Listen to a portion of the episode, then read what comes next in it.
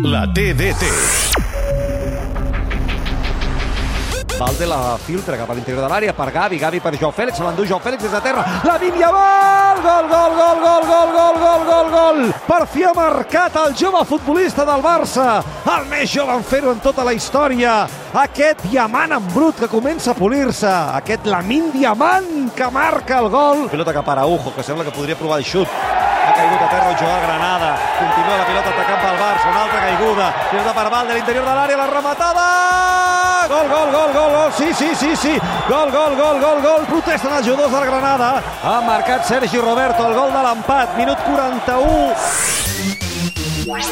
A Catalunya Ràdio, la TDT.